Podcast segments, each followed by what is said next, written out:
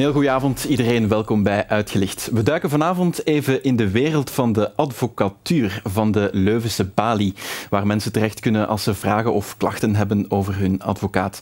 En waar die klachten over gaan, dat kunnen we vragen aan de stafhouder van de Leuvense Bali, dat is Fabian Abs. En ook de vice-stafhouder zit aan tafel, Pascal Nelissen Grade. Hij maakt zich ook een beetje zorgen over het imago van de advocatuur en hij gaat hier zo meteen vertellen waarom dat imago niet helemaal klopt. Goedenavond heren, welkom in de studio. We gaan um, bij de Bali beginnen. Meneer Abs, kan u een inschatting geven over hoeveel klachten er zo binnenkomen bij de Bali per week? Gemiddeld, gemiddeld een twee à drie per dag.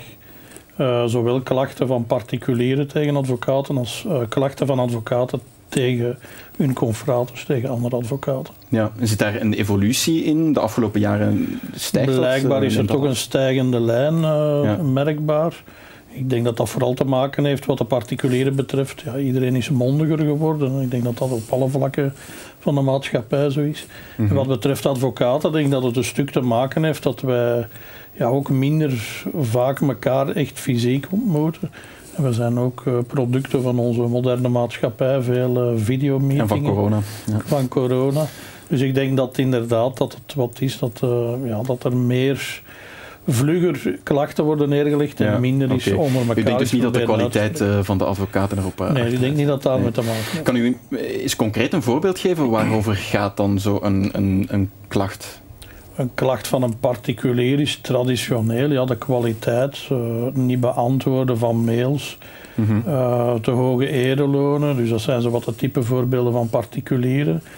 Voor advocaten zijn dat dan meer deontologische kwesties, het uh, gebruiken van vertrouwelijke briefwisseling, het niet zijn op een zitting, ja, ook het niet beantwoorden van brieven. Oké. Okay.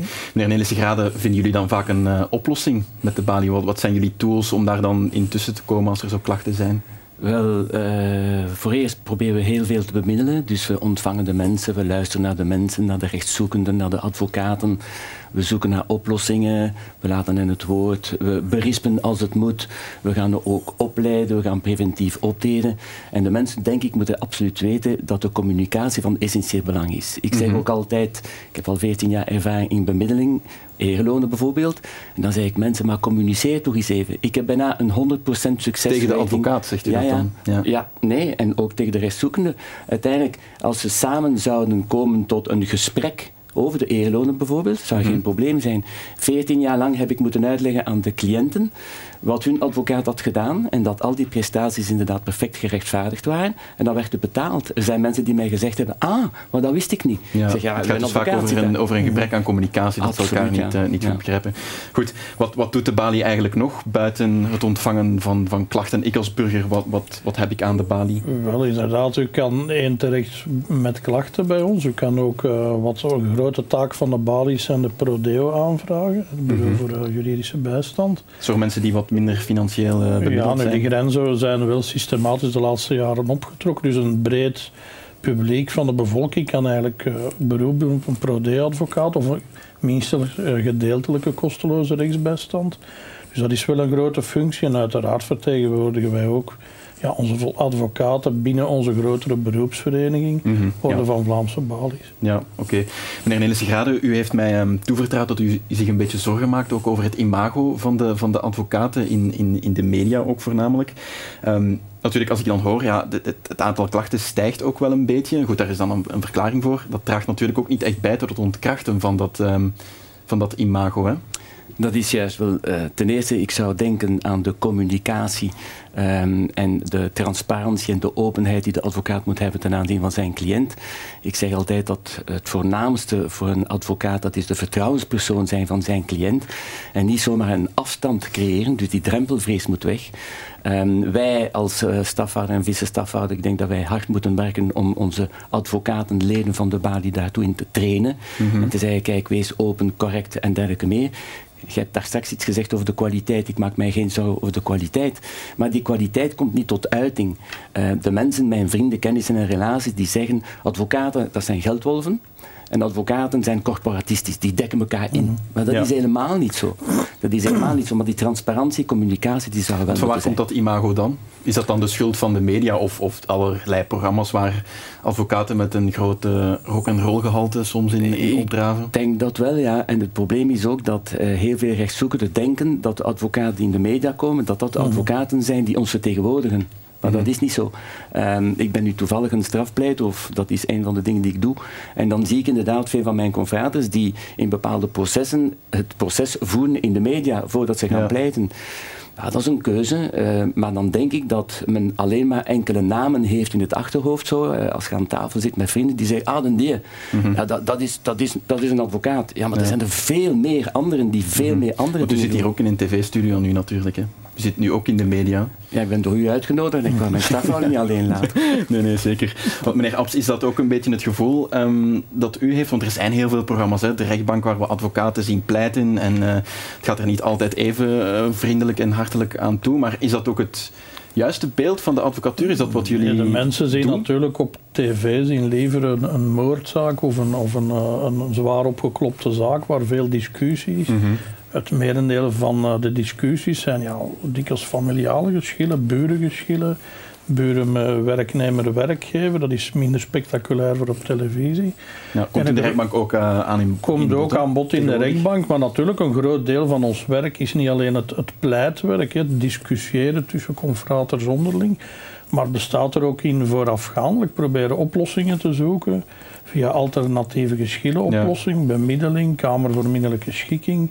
Er ja. zijn veel tools die, die ook de wetgever heeft uh, gecreëerd, die ook de magistratuur promoot. Om zaken buiten de om rechtbank zaken buiten de rechtbank te houden, of waar de rechtbank eigenlijk fungeert om akkoorden te bekrachtigen, ja. maar niet echt om geschillen. Want kan u daar eens een voorbeeld van geven? Want u doet vaak familiezaken ook. Wat, wat, wat, welke tools worden daar bijvoorbeeld vaak uh, zaken nog beslecht door een rechter? Of gebeurt Wel, dat er is, er is bijvoorbeeld in, de, in Leuven is er het initiatief een tweetal jaar of anderhalf jaar waar voor een zaak waar minderjarige kinderen bij betrokken zijn, uh, geschillen tussen ouders, dat die eerst naar de trajectbemiddeling moeten. Dus daar legt er Mhm. iemand uit de voordelen van alternatieve geschillenoplossing.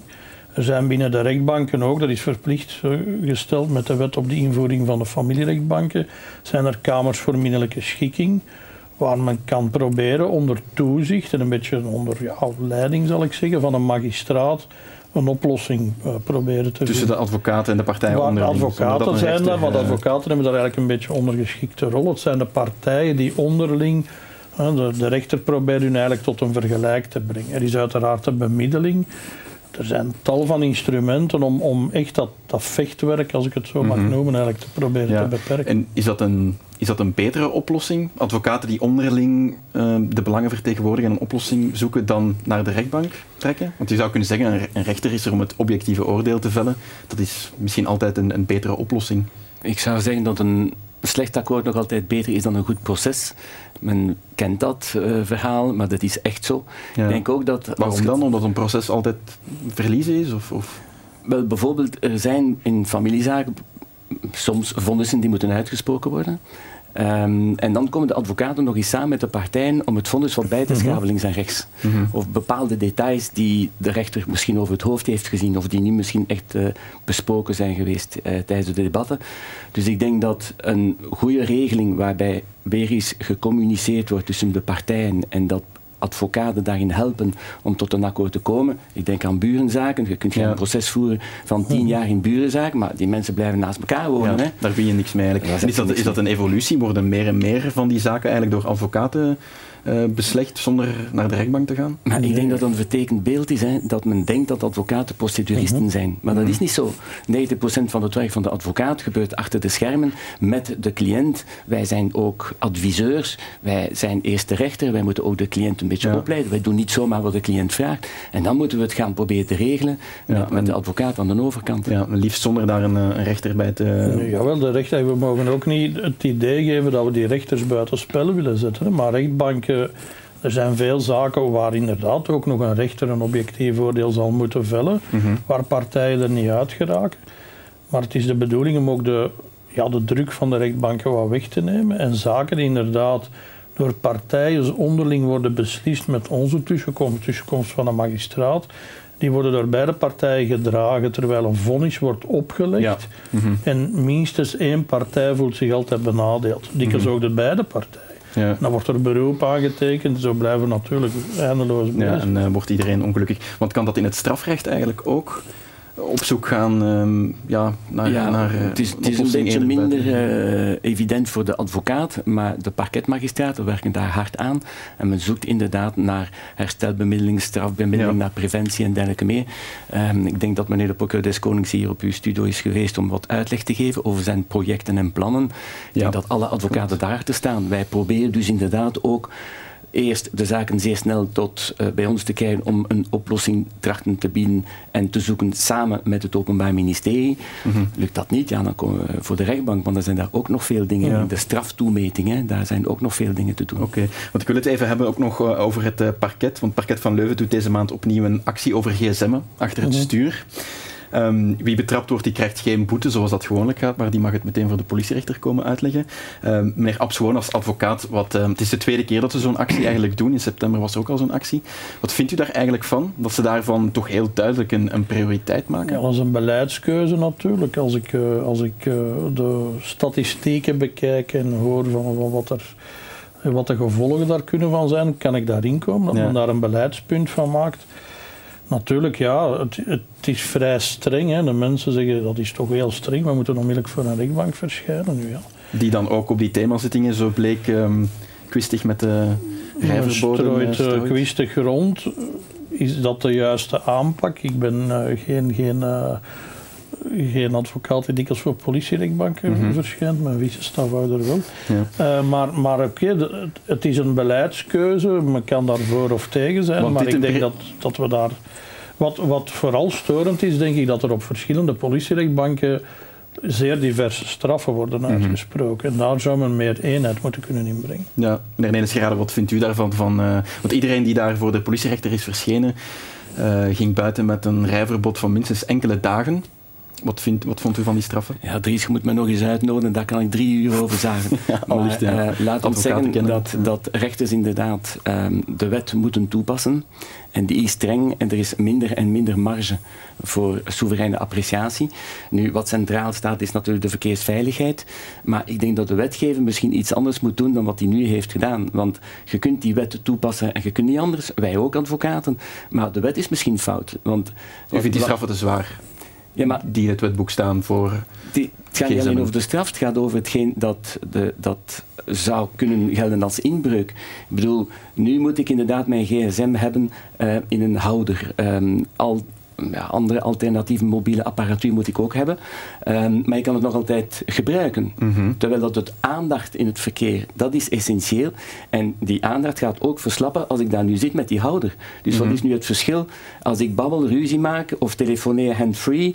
Um, ik heb nog altijd geen aandacht in het verkeer. Ik denk dat we het ding helemaal anders moeten gaan bekijken. Wat pleit u er nu voor om, om te zeggen, ik wil uh, gsm'en in, een, in een, een, auto is eigenlijk verboden. Dat moet dan ergens uh, worden weggelegd? Of die houder mag dan eigenlijk ook ook niet? Nee, ik vind dat zelfs de GPS, uh, radio en al die dingen, dat dat allemaal zou moeten kunnen bediend worden aan het stuur.